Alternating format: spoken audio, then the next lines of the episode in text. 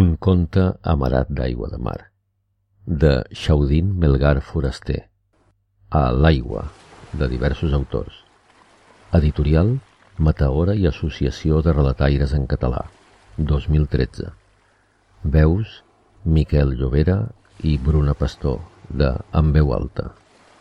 Música, fragments de música aquàtica de Friedrich Händel.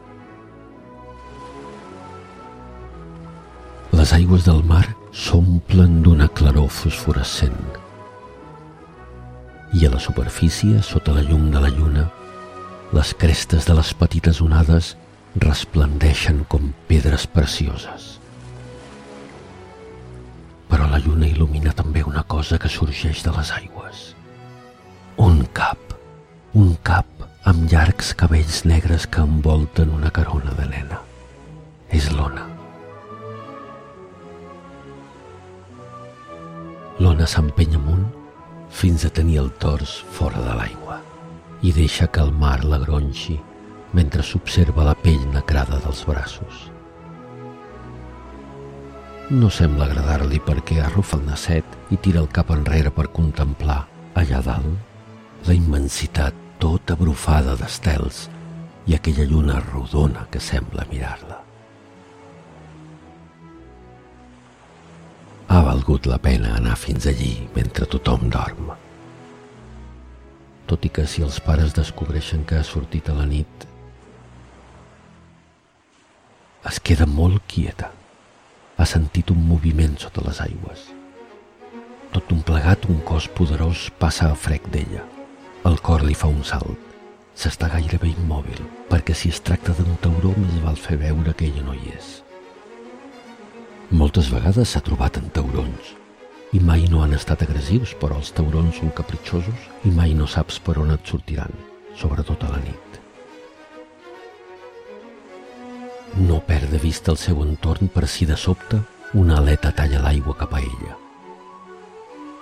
Però l'únic que veu és una figura que surt de les profunditats amb un salt magnífic i es queda allí a prop, amb mig cos fora de l'aigua i xiulant amb gran alegria. És en Borret, el seu amic Dofí. Sens dubte, en Borret, que encara és molt jove, també ha deixat la seva família dormint i se n'ha anat d'exploració. Com estan de contents en trobar-se. L'Ona es fa un tip de riure quan el dofí va fins a ella i li fa pessigolles amb el morro. Les seves rialles pugen amunt cap als estels.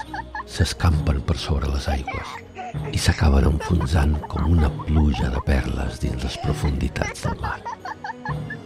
Ep, morret! Diu ell entre rialles. Saps què? Ja he pres anar enrere com ho fas tu. Mira. Es concentra, tensa els músculs i amb una embranzida amunt se situa amb gran part del cos fora de l'aigua i comença a anar enrere tal com ho fan els dofins. En Morret Fa un xiulet tot content i de seguida imita l'Ona. Durant una estona l'Ona i en Morret tallen l'aigua anant enrere. Després retornen on eren. Altre cop van enrere, s'entrecreuen.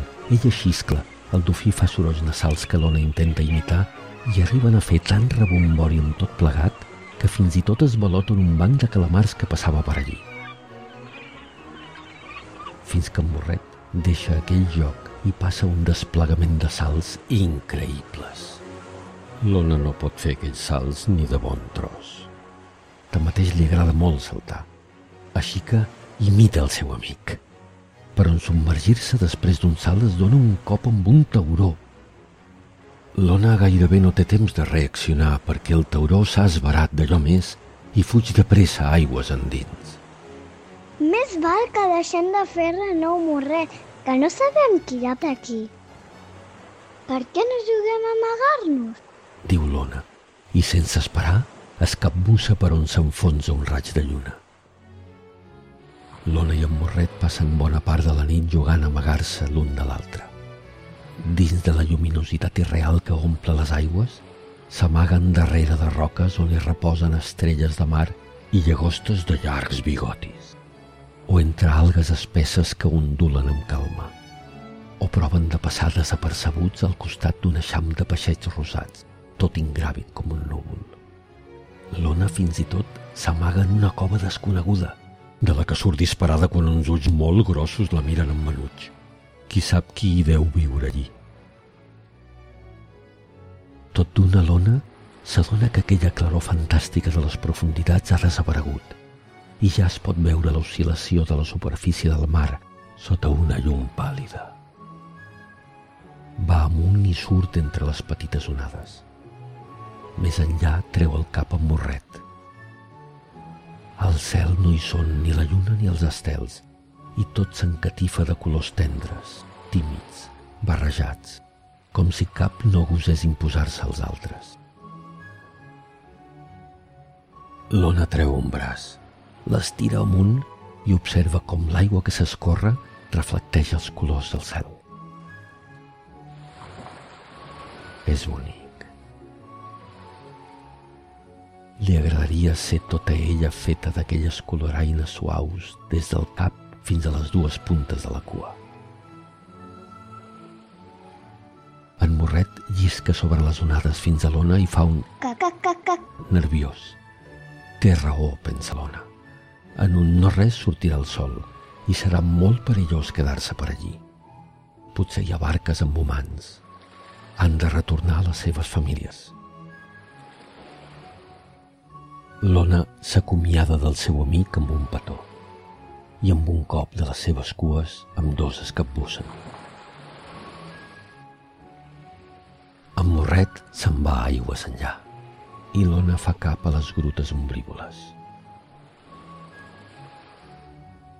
Randes de llum solar ja tremolen els bancs de sorra del fons marí.